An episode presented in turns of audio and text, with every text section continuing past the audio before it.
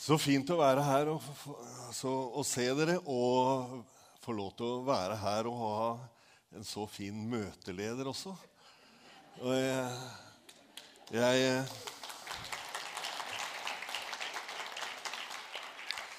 det, det, gjør jo meg veldig stolt av å se yngstedattera her som i tjeneste for Jesus.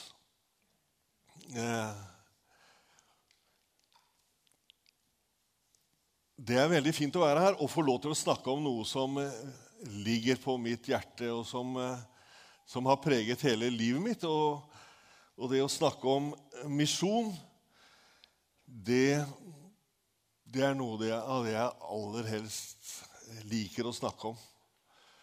Eh, og da, den, da glemmer jeg litt tiden, så, men dere har jo en klokke her, så da skal jeg prøve å se på den nå. Eh, var, mange kjenner meg, men ikke alle. Når jeg var 17 år gammel, så opplevde jeg at eh, Gud eh, kalte meg til eh, å bli misjonær i Colombia. Gjennom Det var flere ting som skjedde. Blant annet så leste jeg en bok som gjorde kjempesterkt inntrykk på meg. Og Den heter 'For dette kors skal du dø'. Om en ung norsk-amerikaner som heter Bruce Olsson, som som reiste til, eh, til Bari-indianerne, eller Motilon-indianerne, på grensa mellom Venezuela og, og Colombia. Han reiste dit som 18-19-åring. Og det, Den boken gjorde kjempeinntrykk på meg. Når jeg leste den, så, jeg, jeg, så fikk jeg sånn eh, kjærlighet ikke til de eh, Motilon-indianerne, men til det landet, Colombia, og mange ting skjedde etter hvert. Blant annet så kom Bruce Olsson hit. Og her hørte jeg han første gang. Og jeg var så beskjeden, så jeg torde ikke å snakke med han. Men jeg satt og skalv hele tida når jeg hørte han. Og etterpå så har han blitt min venn. Men eh, Og så når vi reiste ut, Hilde og jeg og Anne Marte som misjonærer, så var dere i 1986 med som uh, utsendermenighet. Gjerpen misjonskirke, hvor jeg kommer fra, og dere i Skien misjonskirke, var med å sende oss ut. Vi hadde eh, avskjedsfest her for oss i, for mange år siden. Og de første åra så, så nå er Ambjørg, du må ikke si det til noen, men da opplevde vi at disse Gjerpen-folka glemte oss. Men dere glemte oss ikke. Eh, vi fikk stadig brev. Eh, og, og Kjell eh, Hovde, som var pastor da, hadde omsorg for oss. Og det satte vi utrolig pris på. Så når jeg kom hjem til Gjerpen misjonskirke og etter en første, første periode så, så sa jeg da, Det var jo ikke eh, e-mail Det var ikke Internett, ikke sant? Så det var bare, og det å ringe kosta 25-30 kroner minuttet. Og Så du ringte aldri. Så det var brev du fikk. Eh, og da sa jeg fra talerstolen 'Tusen takk for brevet'. For det var ett brev. Eh, men jeg hadde fått flere fra dere. Så det var veldig fint. Misjon i dag, ja, er det, er det noe aktuelt? Er det noe som eh, passer inn? Er ikke det en oppfinnelse fra kolonitiden? Var det noe som de europeiske kolonistene ville ha slik at de skulle få kontroll på folk i kolonilandene? Noen tenker sånn misjon er over og ut. Ja, Det ser jo sånn ut også når du ser på hva folk menigheter Jeg tror folk, menigheter også tror det samme. Fordi det går jo nedover med misjonsengasjementet mange steder. Ikke alle steder, men noen, mange steder. Vi trenger å holde fram som aldri før hva misjon dreier seg om. Misjon dreier seg om Guds bankende hjerte for mennesker. Misjon er de brennende hjerters sak. Hvis ikke du har blitt grepet av Jesus, så skjønner du ikke det med misjon. Men misjon er selve kjernen, eller det er pulsslagene i en levende menighet, vil jeg tenke og tro. Så bli med på det oppdraget vi har fått. Eh, og vi har fått et oppdrag, og vi har fått en arbeidsbeskrivelse vi, som kalles misjonsbefalingen. Det vi skal gjøre nå, det er å se litt på hva Bibelen sier. Og så skal vi snakke litt i forhold til eh, noen motforestillinger. Og så skal jeg fortelle tre korte vitnesbyrd om hva for misjon handler om en relasjon, om endrede liv. Og jeg skal fortelle om tre historier fra det landet jeg kjenner best, fra Colombia. Så vi, og så skal vi ha nattvær direkte etterpå. Misjonsbefalingen sier, 'Jeg har fått all makt i himmel og på jord.' 'Gå derfor ut og gjør alle folkeslag til disipler.' 'Døp dem til Faderen og Sønnens og Den hellige ånds navn, og lær dem å holde alt det jeg, det jeg har befalt dere. Og se, jeg er med dere alle dager inntil verdens ende. Det er vårt oppdrag og vår fullmakt, og Guds garanti er at han er med oss alle dager. Og i tillegg så er han Så sier han noe mer. I Bibelen så, eh, så, er det vel fem ganger så det, kan du finne misjonsbefalingen. Og en av de er også i Apostelens gjerninger 1, 8.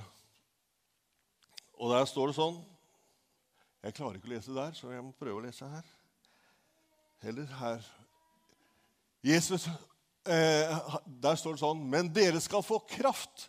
Det er også den garantien. Vi skal få kraft til å gjøre det vi har eh, blitt satt til å gjøre når Den hellige ånd kommer over dere, og dere skal være mine vitner i Jerusalem og Judea, i Samaria og helt til jordens ender. Jeg var akkurat i, i sammen med Hilde på Nordkapp. Og jeg må si det da, jeg tenker at vi er del av jordens ender. Eh, hadde det ikke vært noen som kom hit, så hadde ikke vi hørt om det budskapet som vi finner i, i, i Bibelen. Noen har reist fra Jerusalem, og så har det kommet helt til jordens ender, til oss. Og eh, det er en del av oppdraget, det å gå til alle kroker og kriker på denne jord med evangeliet. Det er ikke sånn at det er begrenset eh, til ett land, eller du kan stoppe ved en grense. Det er globalt. Det handler om alle mennesker. Jesus døde på korset fordi han visste at det, han var villig til å dø på korset for å lide for oss. Fordi han visste at seieren var på den andre siden. Han var villig til å lide for for å betale, å betale, en pris slik at vi skulle få et nytt liv og mulighet til å leve i evighet. Og at vi kunne komme tilbake til Gud. Og misjon handler om nettopp det. Det som skjedde på korset, hans oppstandelse, hans, eh, hans renselse av synd for menneskeheten, slik at vi kan få et nytt liv. Det er det det handler om. Relasjonen vi kan bygge, eller vi kan få tilbake gjennom å ta imot det Jesus har gjort.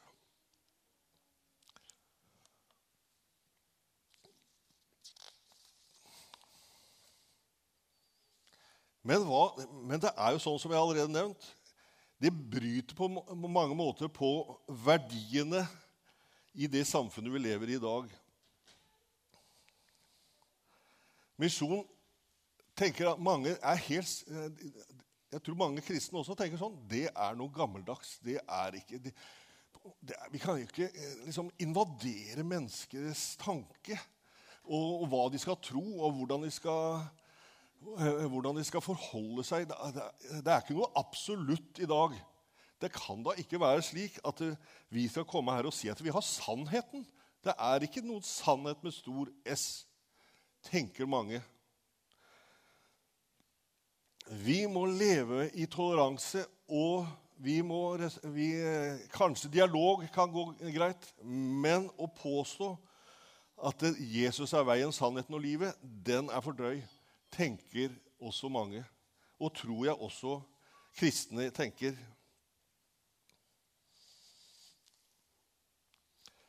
Men misjon, det handler om Guds bankende hjerte for mennesker. Hans ønske om fellesskap. Det er ikke hans ønske om, eh, om konfesjoner og, og, religionskriger. Det er hans ønske om å nå inn til et menneske fordi at han kan gjøre det som ingen andre kan. Han kan endre hjertet ditt.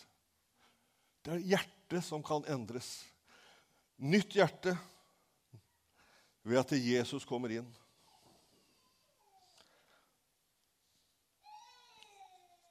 Og det handler også om at det er to utganger på livet. Og derfor er det å forkynne evangeliet det, det som eh, gjør forandringen.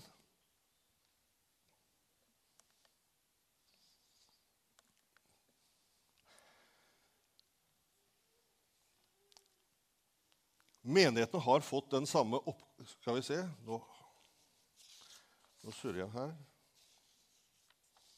Unnskyld.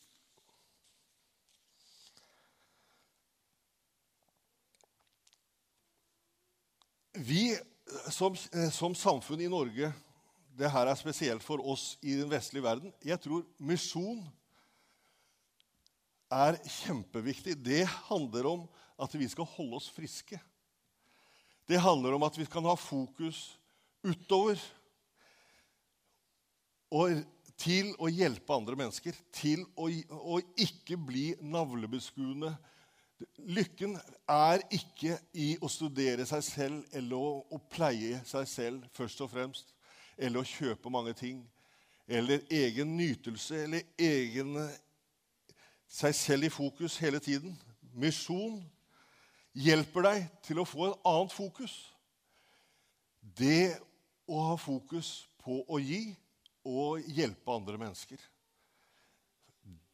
Til å, være, til å bli engasjert i noe som er større enn deg selv. Til å være med på det store prosjektet til kongenes konge og herrenes herre. Redningsprosjektet gjennom å hjelpe andre mennesker til å komme i kontakt med Han. Og misjon handler jo om ikke bare disse ordene, men det handler om hvordan vi lever, og hvordan vi kan hjelpe andre. Omsorg for de svake. Og det er å, å, praktisere evangeliet gjennom å eh, hjelpe mennesker og kjempe mot urett. Det gjelder å stå opp for de som lider. Dere er enige med meg i det, ikke sant? Ja, ja.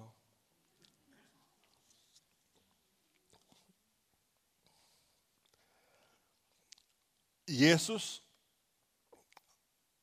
han er vår, vårt forbilde, og han er den som viser oss vei. Jesus, han eh, kom jo her. Han gikk ikke eh, rett, rett til korset. Han, før korset så levde han tre år sammen med, med disiplene. Offentlig tjeneste. Tre år hvor han hadde en slags eh, omreisende bibelskole med en del sånne praksisperioder. Hvor han viste, først og fremst gjennom å trene med disse disiplene, og gjennom å vise hvordan, eh, hvordan Guds rike er, hvordan han kunne hjelpe mennesker. Han ga oss en modell. En modell, og det er den modellen som, eh, som er på en måte misjonsmodellen som du finner i, i Bibelen. Han kom, ga oppreisning til de som hadde falt. Han inkluderte de som hadde støtt, blitt støtt ut. Han helbredet de syke, han kastet ut demoner. Han ga mat til de som var sultne. Og han sier, han sier 'Den som har sett meg, har sett Faderen'. Og så sier han også veldig eh, utrolig utsagn. Som du har sendt meg, sier, I sin bønn til Gud så sier han, 'Som du har sendt meg til verden, har jeg sendt dem til verden'. Det er eh, Misjon handler faktisk om å gå i Jesus sted. Du går i Jesu navn. Og hva skal du gjøre? Vi skal etterligne det som Jesus har gjort.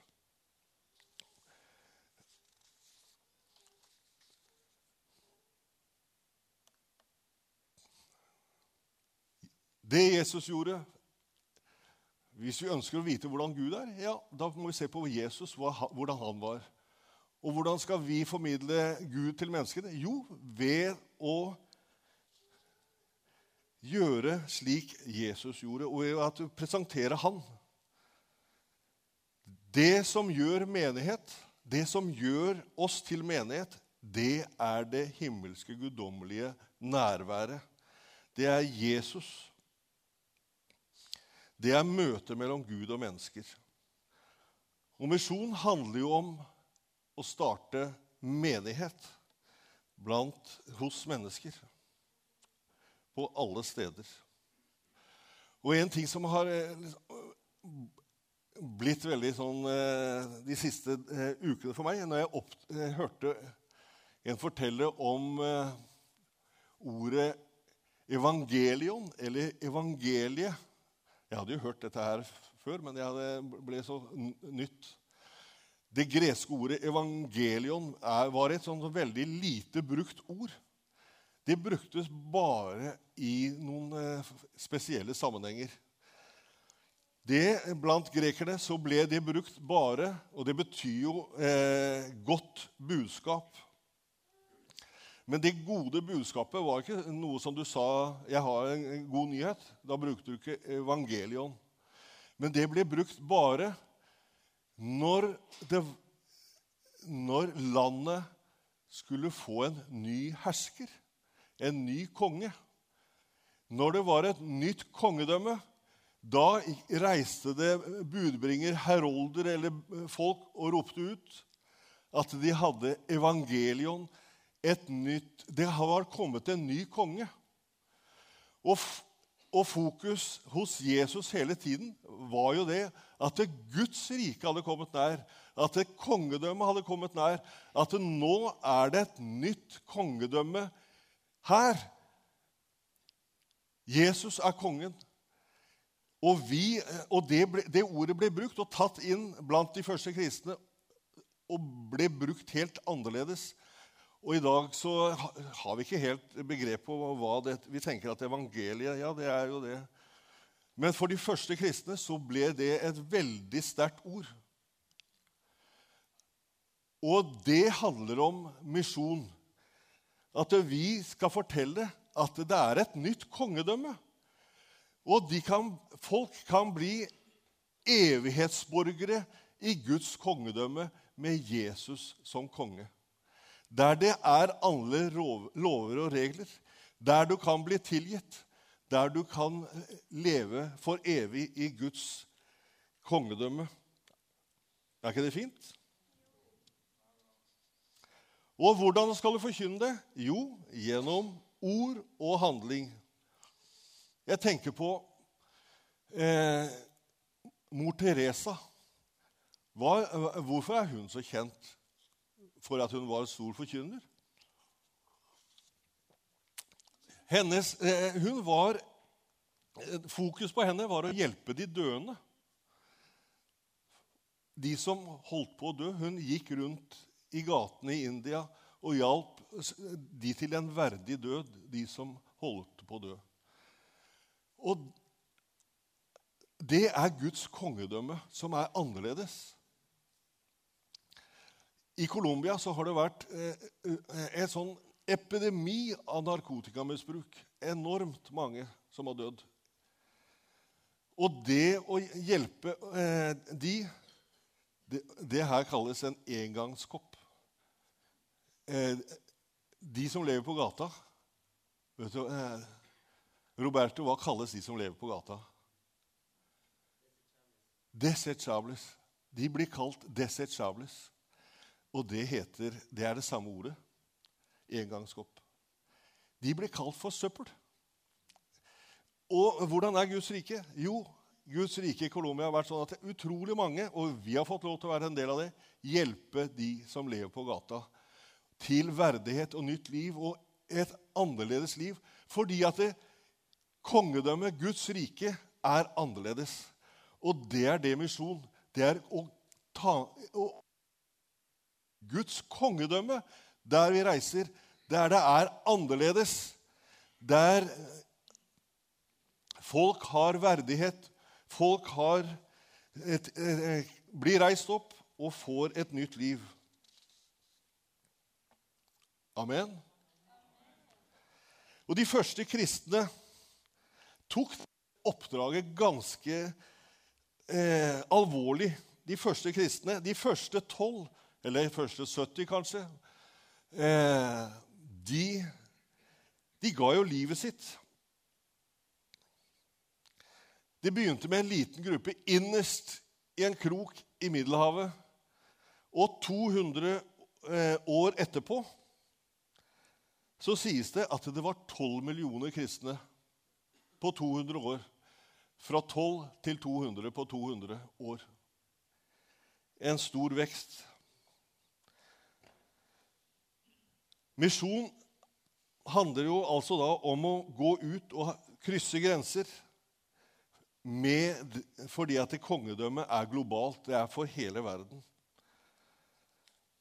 Misjon det handler om hjerteslagene til menigheten. Og for meg jeg blir jo, eh, Når, Pia Malie sa 'tidligere misjonær', så det så, så knyter det seg inni meg. For det, det, det liker jeg ikke å høre. Eh, vi, har, vi er Jeg kan jo ikke være tidligere misjonær. Nei, nei Vi er framtid Alltid så har vi fått det oppdraget. Eh, om vi er hvor vi er, om vi er i Jerusalem eller i Samaria, eller om vi er i Skien eller Porsgrunn eller i Oslo eller i Colombia eller i Caracas, der skulle vi vært kanskje, så er det det samme greiene. Vi representerer kongedømmet. Jesus er kongen. Og det er det mest spennende du kan være med på. Det er spennende. Meningsfylt. Misjon handler om endrede liv. Misjon, Hvis ikke så hadde det ikke vært noe vits i hvis ikke det kongedømmet skaper endring innenfra og utover. Nedenfra og oppover.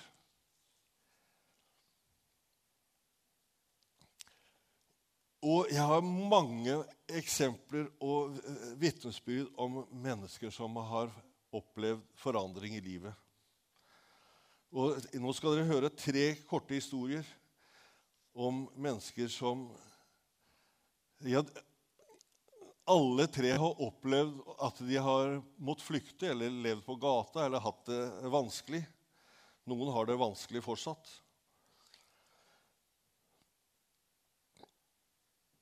Eh, skal vi se Den første heter Andersson. Og her, de To av disse historiene er fra når vi var i Colombia sist, i, eh, i november. så har jeg kjent han Andersson som står sammen med Jon Ultvedt. Han har jeg kjent i mange år.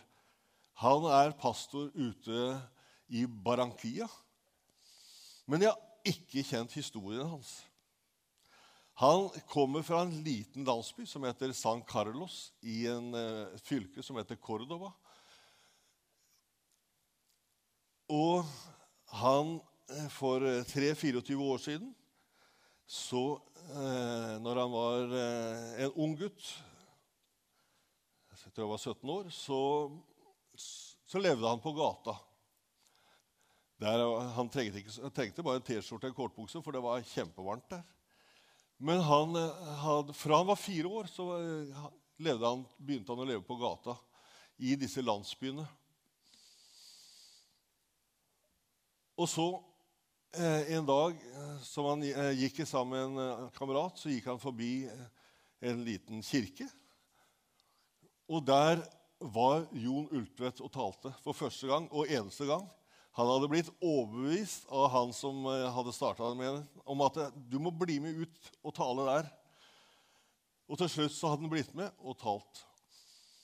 Og så, når, når han gikk forbi Det var ikke noe vindu, så det var åpent. Eh, en liten, enk, veldig enkelt. Så akkurat idet Andersson gikk forbi, så sier eh, Jon Jesus elsker deg akkurat som du er. Og Andersson han stopper opp. Han hadde aldri hørt det før. Han hadde aldri hørt at noen elsker han akkurat sånn som han er. Eh, og det gjorde Skal vi se skal vi høre. Her er, står jeg sammen med Jon Ultvedt og pastor Andersson Ortega. Andersson er fra Barranquilla og er i dag pastor. Men her er det en utrolig historie som, eh, som mange kanskje ikke har hørt om. Men en dag så, så talte Jon i en menighet. Og så var det en ung gutt som gikk forbi og hørte 'Jesus elsker deg'. Sånn som du er. Sånn som du er. Ja. Og entonces, Anderson, ¿qué pasó este día cuando tú eh, conociste al Señor Jesucristo? En San Carlos. San Carlos, ja. Da forteller han, og så har jeg ikke teksta det, da forteller han historien om at han til slutt sto der og gikk, han gikk inn. Kameraten ville ikke gå inn. Og så gikk han fram eh, og hørte flere ganger at, eh, at eh, Jon sa 'Jesus elsker deg', akkurat sånn som du er. Og så ville, ville Andersson høre mer om dette. Og der og da så ga han livet sitt til Jesus. Og i dag er han eh, gift og er pappa til fem eh, jenter. Og er pastor i en menighet som vokser, som har en eh, barneskole og så er han også distriktsforstander eller distriktsrepresentant der ute i Barranquilla eh, blant alle pastorene. Eh, han, han, begynnelsen på livet hans var vanskelig, og så, så hørte han denne ene setningen som forandra helt livet hans. Og, og, i dag så er han en eh, beskjeden, men sterkt vitne om Jesus.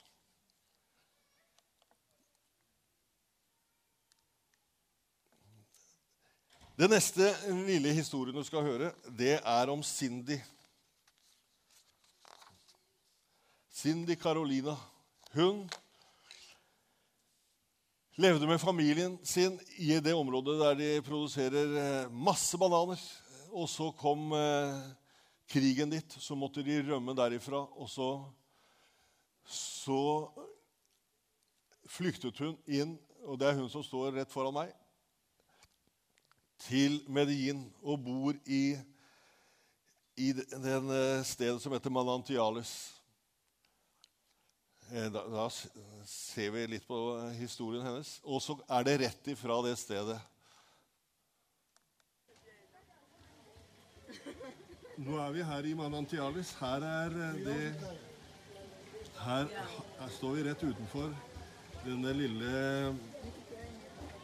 samfunnshuset som de har.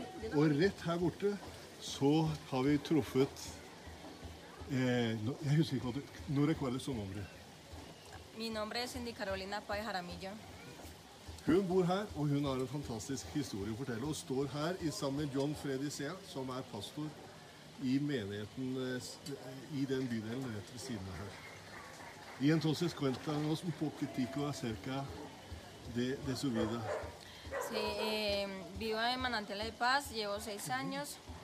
Eh, soy desplazada de Urabá, de Apartado, zona bananera de, de Antioquia. Eh, estoy estudiando contaduría pública en la Minuto. Hago parte de la iglesia ¿En Chalona, qué, en qué semestre va? Segundo semestre. Ja, mm. Altså, hun, hun jobber som eh, søppel... Plukker søppel. Hun plukker søppel, sí. men hun studerer nå andre semester på universitetet for å bli en offentlig regnskapsfører. Og så bor hun her. Dette her er bare helt utrolig. ¿Y cuántos hijos tienes? Tengo dos hijos, el, el mayor tiene 10 años, el nombre de él es Elías. ¿Será que lo llamo? ¡Elías! Ah, pero sigue, sigue, sigue aquí con la Caro. Sigue con la grabación. hun har to barn. Det eldste heter Elias, han er ti år. Sí, Elías tiene 10 años, estudia en el Colegio Las Cometas, está cursando cuarto grado de primaria. Qué bien. Y el ah, menor, el menor, el nombre de él es Luis Alejandro Páez, tiene 3 años y está en, en buen comienzo. Oh, Elias. Hola. Este es mi hijo Elías, Dere måtte se Elias også, da. Eh, 10 años y nació aquí en Medellín. Denne dama her er et fyrverkeri av en dame. Hun har så få ressurser. Hun tjener 30-40 kroner om dagen ved å plukke plastikk. Eh, Det er det hun har spesialisert seg på. Og så eh, er hun søndagsskolelærer.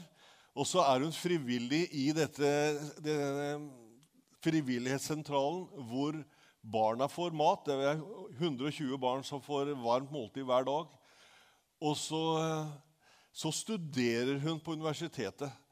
Jeg, av de 25 000 som bor der, eh, så kjenner jo ikke jeg alle. Men det var ingen som kunne fortelle meg om noen andre som gikk på universitetet. Men hun gjør det. Og, og er en brennende kristen. Og har opplevd nytt liv i, i møte der i, i sin fattigdom og sin drøm om et nytt liv. Eh, og kjempe for barna sine. Og så får hun eh, støtte og hjelp fra mennesker som vil henne vel. Det er utrolig Vil dere bli kjent med henne, så kan dere bli med Torbjørn nå i februar. Eh, siste som vi skal eh, høre litt raskt om, det er om Augustin. Augustin står her i sammen med Andres og Cæsar. Alle tre er pastorer i Bogotá. Augustin han eh, står der med pila, og han ser ut som, eh, som den pre prektigste du kan tenke deg når du treffer ham. Han er så hyggelig og så, så fin person. Og så bor han helt sør i Bogotá, i en bydel som heter Potosi, hvor det er masse vold. Der har vi en, en skole, og en, eh, han er pastor for 300. Det er, er 300 i menigheten. Og så her har han tre barn, og kona er akkurat ferdig utdanna lærer. Eh, og, men livet begynte helt annerledes. Han ble kasta ut hjemmefra, for faren var så slem med han. Han fikk så mye juling og så mye overgrep når han vokste opp. Så han, begynte, han stakk av hjemmefra og begynte å reise rundt i Colombia. Bare vandre eh, på rømmen, på en måte. Og så traff han Jamilé, som er kona. Og de ble kjærester. Og så når eh, for, foreldrene til eh, Jamilé oppdaga hvem som var kjæreste til, eh, til dattera, så ble hun også kasta ut hjemmefra. For hun måtte velge enten med han eller bo hjemme. For du kunne ikke bo med en som levde på gata. Så havna begge to på gata og levde et, et heftig liv. Eh, og så kommer de til Bogotá eh, Augustin er ikke fra Bogotá. Så kommer han dit og kommer til Potosi, og så hører han evangeliet om at Jesus forandrer, eh, kan gi dem nytt liv og håp. Og Så tar de imot Jesus, og så kommer de inn i menigheten, og i dag er han pastor. Eh, og, og, livet ble helt annerledes når eh, dimensjonen med kongedømmet til Jesus kom inn i livet hans. Da ble livet annerledes. Det er familien til Augustin Suárez.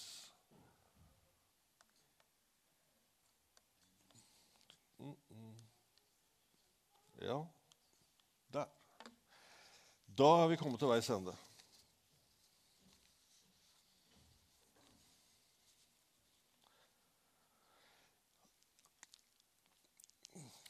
Misjon handler om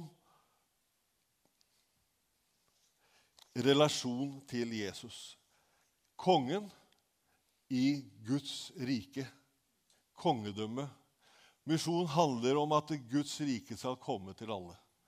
Misjon handler om at vi som kirke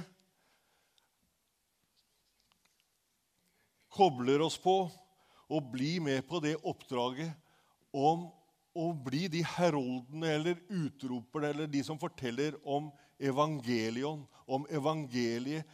Et godt budskap, et, en nyhet om at Jesus er konge. En kirke som ikke er misjonerende, vil jeg påstå, er en kirke som ikke er i takt eller i, i harmoni med hva som er en bibelsk kirke. Vi er så heldige at vi heter misjonskirke. Det, det, det, er fantastisk å få ha det navnet. For det handler jo om hva kirke er på denne jord. Om at det er kirke her, lokalt, og at det har en global dimensjon om å nå ut. At vi er ikke oss selv nok, men at, det, at vi kan få lov til å, både gi penger og gi av oss selv og hjelpe ikke bare i Skien, men til alle verdens hjørner. Og jo lengre ut fra Skien du kommer, jo større muligheter er det, jo flere valg må du ta. Vi har bl.a. valgt at eh, vi skal reise langt vekk, til Colombia. Vi kunne reist mange andre steder, men nå har vi valgt det. Gud har lagt det på vårt hjerte. Og det er fint at vi alle kan være med på. Amen. Da skal vi gå over til, eh, da skal vi be en bønn.